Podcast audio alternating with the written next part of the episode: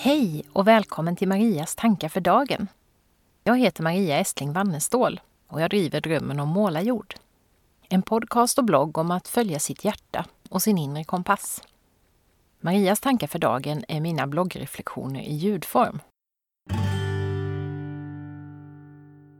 Den här våren har jag ägnat en hel del tid åt att utforska en känsla som på många sätt har styrt mig genom livet. Det handlar om rädsla.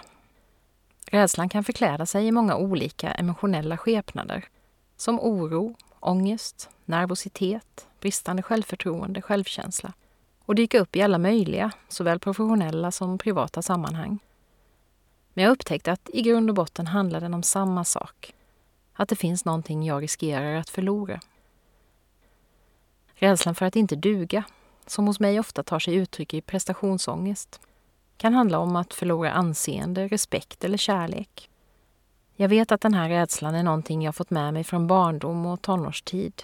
Av föräldrar som premierade den duktiga flickan Maria och klasskompisar som av oklar anledning, kanske just för att jag var sådär duktig, mobbade och frös ut mig. Sa att jag var ful, att mitt hår hade fel färg, att jag luktade illa trots att jag duschade varje dag. Eller att jag var mallig. Rädslan för att förlora det vi älskar kan handla om våra nära vänner och familjemedlemmar. Jag förlorade min pappa innan jag fyllt 30, min mamma i en svår demenssjukdom.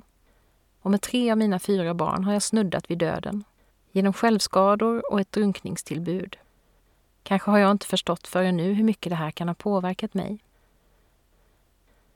Rädslan för att förlora något vi älskar kan också ha att göra med vår kärlek till den här ofantligt vackra planeten och allt levande, som Joanna Macy och Chris Johnstone skriver om i boken Aktivt hopp. Att möta vår tids utmaningar utan att bli galen. Jag har på senare år haft ångestfyllda perioder då jag verkligen känt den där smärtan för världen som Macy och Johnstone beskriver. Inte minst under den torra sommaren 2018 då klimatförändringarna blev så väldigt påtagliga och närvarande här ute på landet. Rädsla kan ibland ha att göra med att förlora det som känns tryggt och hemvant. Någonting som exempelvis hindrar många från att lämna ett jobb eller relation som de egentligen är färdiga med. Här har rädslan inte styrt mig så mycket, i alla fall inte på senare år, utan jag har vågat ge mig ut på nya okända stigar. Exempelvis när jag lämnade min fasta anställning och trygga ekonomi för det betydligt mer osäkra livet som egen företagare. Men även om rädsla ibland kan ha vissa positiva konsekvenser, som att jag skärper till mig inför en föreläsning eller gör en livsstilsförändring som ger mindre klimatavtryck, som när jag bestämde mig för att sluta flyga eller börja odla i större skala, är den ingen bra drivkraft i det långa loppet. Det konstaterade vi i det åttonde avsnittet av poddklanen Reflekterar i höstas. De senaste åren har jag vid några tillfällen också fastnat i rädsla som påverkat mig i vardagen, vilket fick mig att efter 20 år återvända till terapisoffan.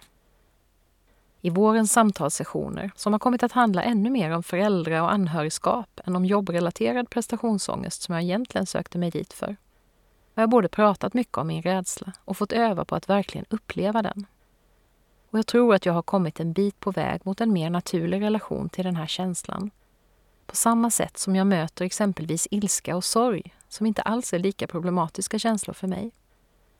Jag går in i känslan när den dyker upp, är verkligen där och låter den sen klinga av utan att fastna. Och när jag inte låter rädslan styra mig kan jag istället använda kärleken som drivkraft. Då kan jag försöka leva hållbart av kärlek till planeten snarare än av rädsla för det som händer med den. Jag kan ge en bra föreläsningsupplevelse utifrån en kärleksfull önskan om att ge något till mina åhörare snarare än av rädsla för att inte vara tillräckligt bra.